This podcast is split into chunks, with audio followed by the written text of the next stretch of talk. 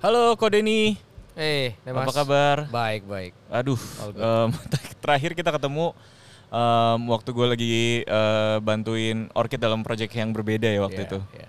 itu udah kayak tiga tiga empat tahun lalu kayaknya sebelum gue jauh sebelum gue nikah.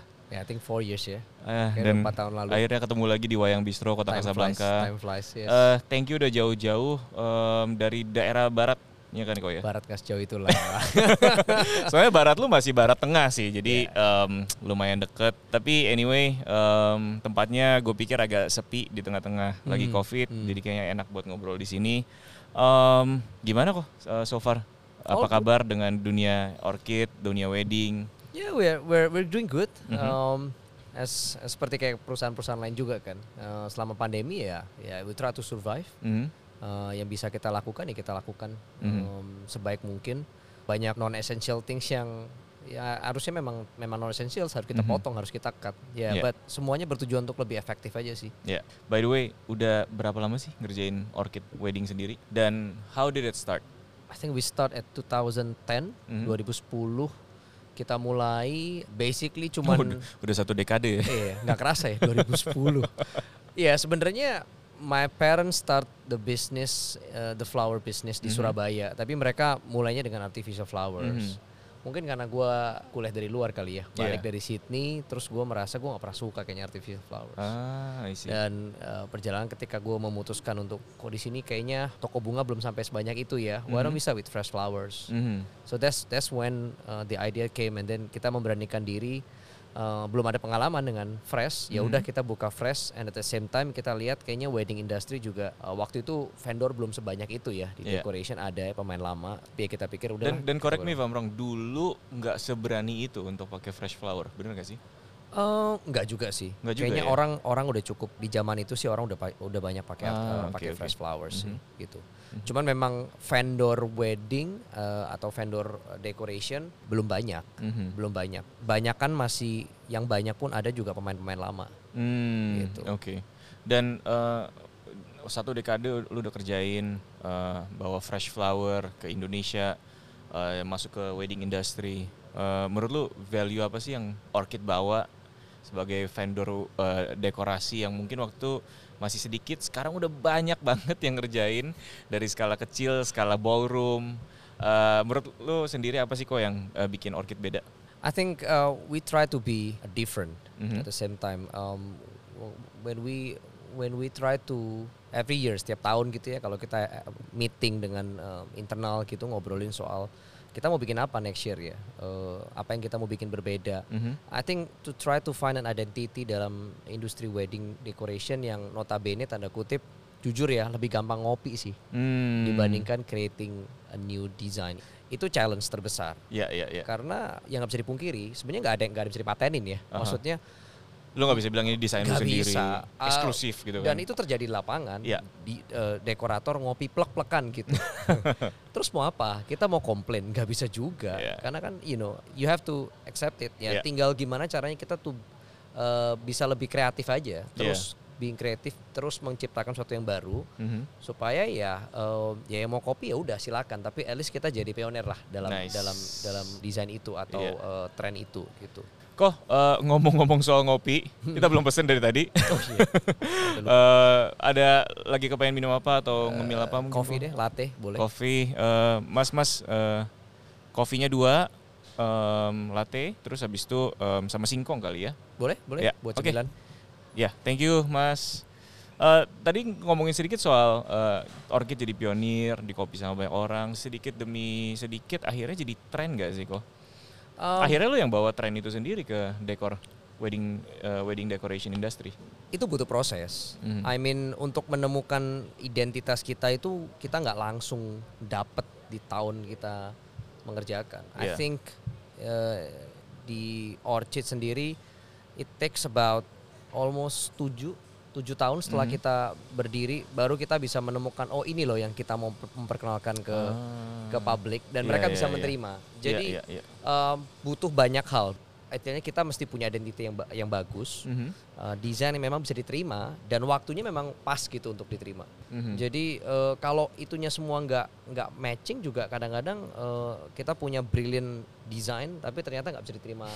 Belum waktunya gitu iya, ya. it's just not the time yet. Jadi yeah. it's a journey mm-hmm. buat kita bisa menemukan itu dan uh, ya sekarang PR-nya adalah ketika kita udah punya identitas itu dan semua orang mulai mengikuti, nah PR-nya gimana caranya kita bisa terus berinovasi, yeah. terus bisa mengeluarkan uh, hal-hal yang baru. Gitu. Yeah. Setuju, um, karena akhirnya kalau misalnya kita datang dengan konsep yang mungkin terlalu futuristik gitu kali ya, orang-orang mungkin belum nyampe ke sana. Hmm. Um, dan akhirnya ya udah uh, konsepnya nggak bisa diterima sama klien-klien yeah. yang mungkin masih yeah. lebih prefer yang tradisional atau konvensional. Ngomongin soal timeline dan lain-lain, tren 2021 apa sih kok sekarang di dunia dekor? Pastinya sih uh, lebih intimate ya. Yes. Lebih intimate. Um, well, big weddings in the ballroom tetap akan berjalan. Mm -hmm. Tetap masih ada orang-orang yang tetap tanda kutip pengen pesta gede. Mm -hmm. Itu nggak akan bisa dipungkiri lah karena kultur kita juga uh, influence dari orang tua juga masih besar. Tapi yeah. 2021 dan ke depan ini akan membuat wedding itu akan jauh lebih simple, jauh lebih intimate. Yes. Ya. Yes. Eventually, eventually kita akan ke sana. Mungkin tetap di ballroom, tapi vibe-nya lebih intimate gitu ya. Uh, mungkin mereka akan memilih ballroom ballroom yang ceilingnya lebih, maksudnya suasana ballroomnya itu yeah. nggak nggak se apa ya grande itu yeah, atau yeah, mungkin yeah. ya ceilingnya mungkin nggak setinggi itu apa jadi cari ballroom yang suasana warmnya masih dapat intimate yeah. feelingnya masih dapat yeah, yeah, jadi hotel-hotel yang punya ruangan yang lebih kecil lebih intimate itu akan jauh lebih gampang jualan nih mm -hmm. dibandingin hotel-hotel yang nggak punya ruangan-ruangan itu gitu mm -hmm. jadi tren big weddings itu memang sebelum pandemi pun udah tambah lama tambah berkurang. berkurang. Betul, betul. Tambah Karena lama tambah berkurang. Gue ingat di akhir 2019 sudah banyak inquiry yang kayak ah, Bali wedding, Bogor wedding yang mungkin tamu-tamu lebih sedikit gitu ya.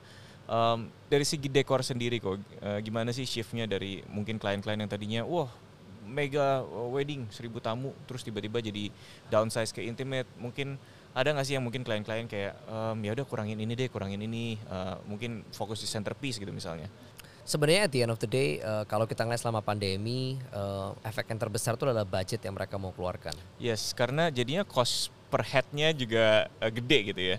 Jadi kalau bicara budget itu kan sebenarnya memang nggak bisa kita paksakan ya. Jadi hmm. kebalik nih, kalau dulu kan mungkin uh, ya setiap decorator company punya price list lah basically yeah. starting fromnya berapa dan yeah. segala macam terus kita come out dan orang datang ke kita karena mereka memang mau pakai jasa kita. Mm-hmm. Nah sekarang memang agak sedikit lebih tricky karena mereka mengingatkan kita, tapi ternyata budgetnya mereka pasti uh, mereka minta pengurangan budget. Mm.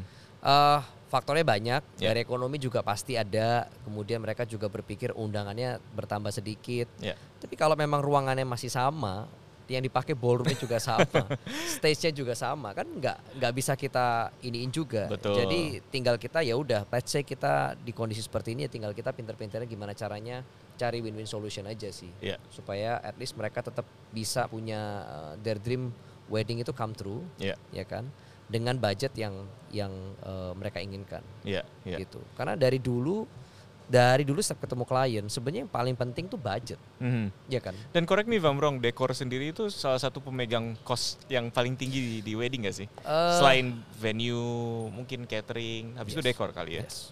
Um, ya, mm-hmm. karena itu memang satu satu komponen yang penting kan, yeah. karena setelah venue dipilih, yeah. mereka harus ngisi itu dengan decoration. Betul betul. Gitu. Dan dan kita udah uh, berjalan jauh dari ya udah nikah di restoran aja gitu ya dengan dekor yang simple. Kayaknya itu dulu sempat ngetrend, habis itu mulai pindah ke ballroom. Sekarang kita masuk ke intimate wedding dengan setting yang mungkin lebih dipilih-pilih.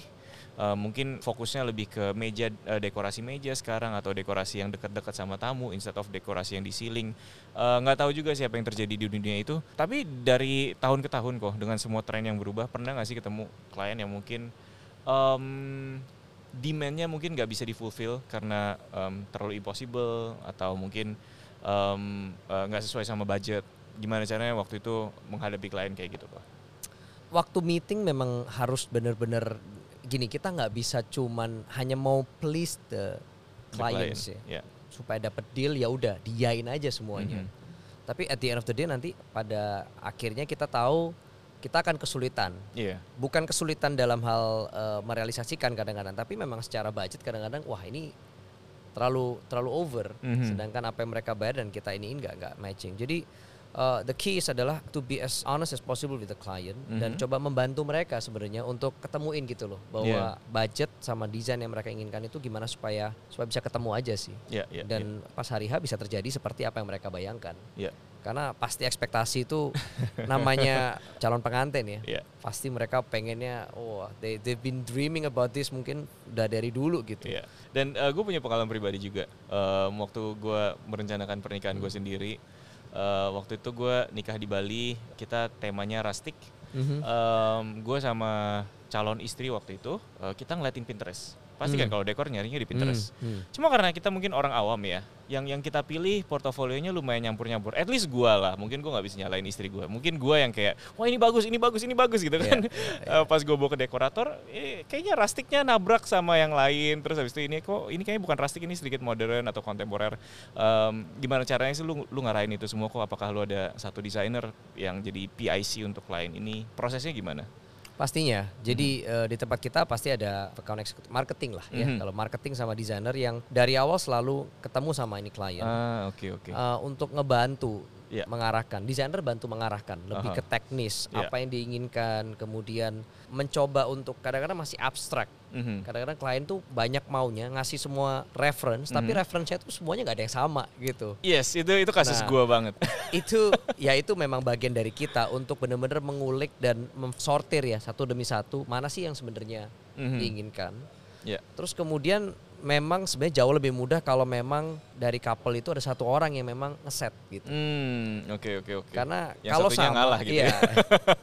kalau dua-duanya punya dua selera yang berbeda, yeah, which yeah, is yeah. enggak happens a lot uh, sih by lumayan lumayan lah, lumayan. Um, ya itu kalian mesti ketemu kesepakatan dulu. I mean yeah. it's like marriage. I mean yeah, yeah, yeah. you need to come with an agreement gitu. ya kan? ini sebelum nikah ini, ya sebelum nikah udah PR di sini nih. yeah, uh, yeah, yeah. Dalam hal preparing wedding tuh ketahuan. Yeah. Uh, belajar untuk make an agreement kan. Yes. Jadi siapa yang mau handle dekor, mm -hmm. terus kemudian gimana caranya menemukan kesepakatan itu.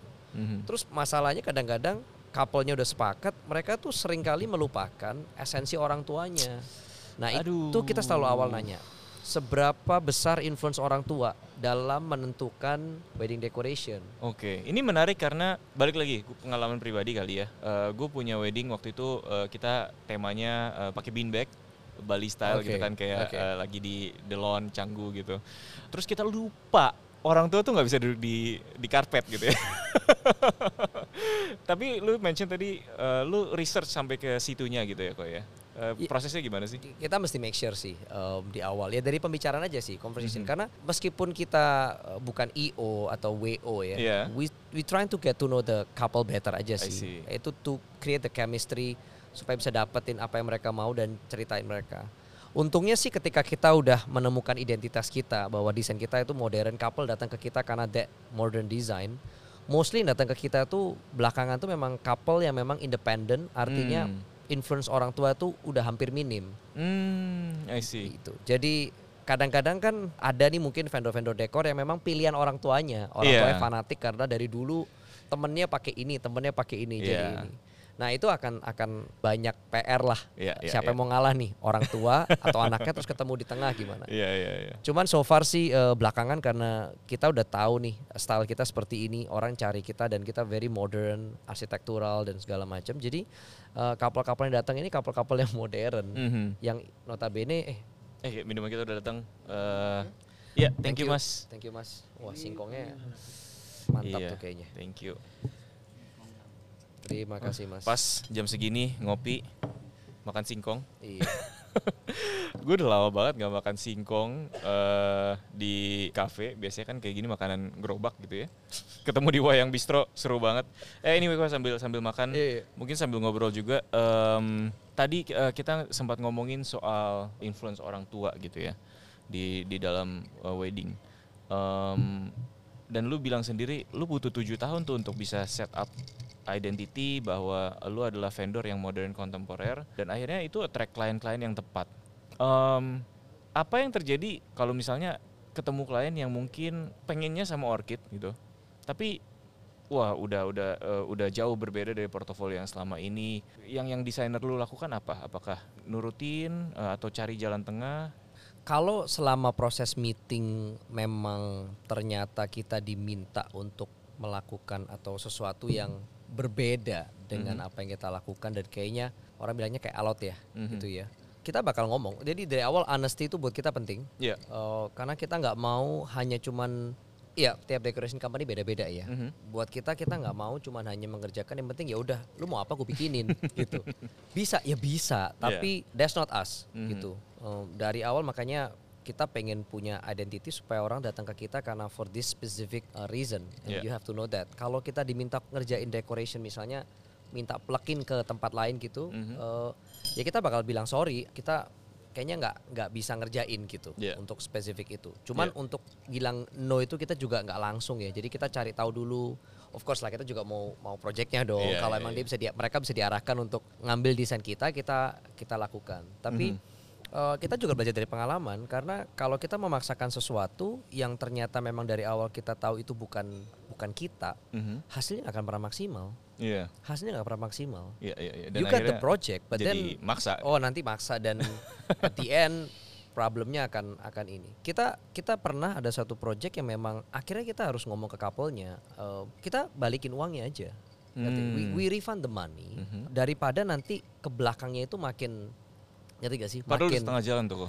Uh, ya masih dalam proses dalam proses design. buat ya desain uh. segala macam. Tapi ketika mereka udah DP, proses meeting ini mulai jadi alot nih hmm. mulai jadi alot kemudian mulai jadi kayak uh, alot banget lah, alot banget. Mm-hmm. Nah kita nggak mau nanti hari H itu kayak bermasalah, yeah. ngerti nggak? Ini mumpung masih panjang, jadi masih panjang perjalanannya, mereka masih punya waktu buat mumpung masih uh, di eh, depan gitu ya? Iya, masih punya waktu buat uh, cari vendor lain. Ah, Dan kita bilang ke mereka, uh, ya of course dengan dengan sopan ya, uh, kayaknya kita nggak cocok nih nggak akan pernah ketemu. Mm-hmm. Yang ada nanti belakangnya akan jadi lebih nggak enak lagi dan kita nggak mau itu. Itu mhm. reputation mm-hmm. kita yang kita pegang. Iya yeah, iya. Yeah, yeah. It's just happen only once. Oke. Okay. Untungnya cuma sekali. Untungnya cuma sekali dan menurut gua um, it takes a lot of courage untuk untuk bisa ngomong kayak gitu ke klien dan a lot of apa ya professionalism juga karena akhirnya uh, value yang tadi lu pegang adalah ya kita mau bikin lo happy Uh, tapi kita nggak cuma mau terima duit lu doang gitu. Yes, yes. Uh. Kita juga alot sih. Kita juga meeting. Kita memastikan uh, ini bener ya, memang nggak bisa. Jadi hmm. kita internally kita meeting, kita putuskan kita mau baik-baik ke kapalnya. Hmm. Kapalnya bisa terima. Yeah. Karena kapalnya mungkin mikir, wah udah DP, duit ini nggak bisa balik nih, iya kan? Karena memang ada di klausul kalau nggak ada apa-apa duit ini nggak bisa balik, yeah, yeah, ya kan? Yeah, yeah. Every every kontrak ada begitu. Kalau yeah. nggak ada apalah, cuman buat kita pribadi ini dari dari uh, goodwill kita lah, kita hmm. merasa bahwa I think it's better to do that daripada kita paksain nanti ke belakangnya makin nggak nggak enak lah. Bener-bener. Gitu. Uh, Kode ini tadi lu mention sedikit tentang perjalanan masih panjang. Uh, biasanya berapa bulan sih sebelum orang tuh uh, mungkin weddingnya masih enam bulan, uh, mungkin di bulan keempat dia baru nyari uh, dekorator gitu misalnya. Berapa lama sih timelinenya sebelum hari H? Hmm. Sebenarnya tergantung dari couple-nya. Mm -hmm. If you know what you want, mm -hmm. if you really know what you want, three months before pun kita bisa kita bisa even kita pernah ngerjain dekor yang sebulan se oh no actually less than that ya tunggu itu itu gara-gara pandemi atau Enggak itu sih itu accident sih basically oh, okay, jadi okay. mereka merit karena accident happen oh oke okay. ya kalau itu udah nggak usah yeah, ditanyain yeah. harus cepet jadi gitu. accident happen juga jadi. Uh, within a month mereka juga ini tapi oh, uh, they know what they want I yeah. mean bukan karena kepepet ya tapi yeah. I, we know lah uh, ngobrol sama mereka mereka tahu apa yang mereka lakukan ya udah mm-hmm. within a month uh, beres beres gitu wow So tiap orang beda-beda. Tapi kalau mau ambil aman ya uh, sebenarnya dari gini kita pun dalam dalam sehari cuma bisa ngerjain x number of weddings. Mm -hmm. um, jadi kalau begitu dapat biasanya orang kontak kita make sure kita masih bisa kerjain nggak wedding di hari itu. Ah, Jadi ada booking uh, tanggal-tanggalnya juga ya kok sebenarnya. Ya, especially kalau kamu dealing dengan hari-hari yang cantik ya. Mm-hmm. Kan bukunya sama tuh. Iya, pasti. Iya kan? Uh, suhunya sama kayak mm-hmm. dari sana. Jadi Nyari tanggal, tanggal, itu, ya, tanggal ya? itu kalau tanggal cakep semuanya berebut ya kita mesti make sure iya. makanya yeah bukan kadang-kadang bukan masalah berapa lamanya tapi make sure di hari itu kontak masih available apa enggak. Yeah, yeah, yeah. Tapi kalau bicara waktu ya ambil aman sebenarnya enam bulan tuh masih masih oke okay hmm. sih. Six month before tuh paling paling aman karena kan tektokan, yeah, meeting yeah, segala yeah, macam. Yeah, yeah. uh, mau lebih lebih lama lagi juga setahun sebelumnya juga it's fine fine aja sih. Cuman biasanya efektif ngobrolin tuh pasti enam bulan sebelum. Iya ya karena biasanya kan uh, timelinenya orang cari uh, wo, cari venue, mungkin baru masuk ke dekor gitu ya. Jadi mungkin harus lama sih emang untuk bisa planningnya. Yeah, yeah. Uh, kau tadi dulu mention sedikit tentang tanggal-tanggal, ternyata bisa penuh juga ya di dalam satu hari gitu. Um, karena kalau gue sebagai MC kan gue di bookingnya ya memang satu malam eh, satu malam jadi salah nih oh, satu acara dinner gitu anda maksudnya. MC malam ini misalnya satu acara dinner atau satu acara lunch gitu kan yeah. um, ya udah gue nggak gue pasti nggak terima klien lagi cuma gue baru tahu kalau ternyata dekor juga ada limitnya gitu ya dari segi kru dan tim dalam arti mungkin kalian nggak mau uh, apa namanya jadi over capacity. Another question yang muncul di otak gue tadi waktu lu ngomong gitu adalah pandemi kan banyak yang reschedule. Gimana jadwal lu kok dari 2020 sampai 2021? Ya so far sih nggak ada masalah ya. Ah, so okay. far nggak ada masalah. Of course numbers of weddingnya juga banyak yang berkurang. Iya. Orang Jadi buat kita buat kita eh, nggak ada isu buat mereka reschedule selama di tanggal itu eh, nggak uh, bentrok atau kapasitas kita masih bisa kita handle. I see. Gitu. I see. Nah itu jadi menarik karena yang gue rasain akhir-akhir ini adalah tension antara klien dan vendor uh, lumayan tinggi. Mungkin uh, mungkin bukan necessarily salah vendor atau salah klien, tapi karena memang situasinya lagi tegang. It's it's a very stressful year untuk plan a wedding. Ya nggak sih? Uh, gak tahu ya. Uh, kemungkinan besar itu karena pandemi ini nggak pernah diprediksi. Mm -hmm. Tension itu terjadi karena mungkin capek ya. Mm -hmm. Ada orang yang udah mundurin PSBB lagi, yeah. mundurin lagi, mundur yeah. mau sampai kapan yeah. gitu. Terus belum lagi banyak vendor yang kontraknya secara kontrak itu nggak nggak nggak cukup jelas dan detail apa hmm. yang dimasukkan dan segala macam. Yeah. Jadi itu membuat kayak ada pasal-pasal karet lah yang mereka juga akhirnya minta di refund, mm-hmm. nanti vendornya nggak mau kasih refund, yeah. gitu-gitu loh. Dan ini jadi sensitif karena especially buat dekor ya, it's a huge chunk of uh, cost center gitu ya.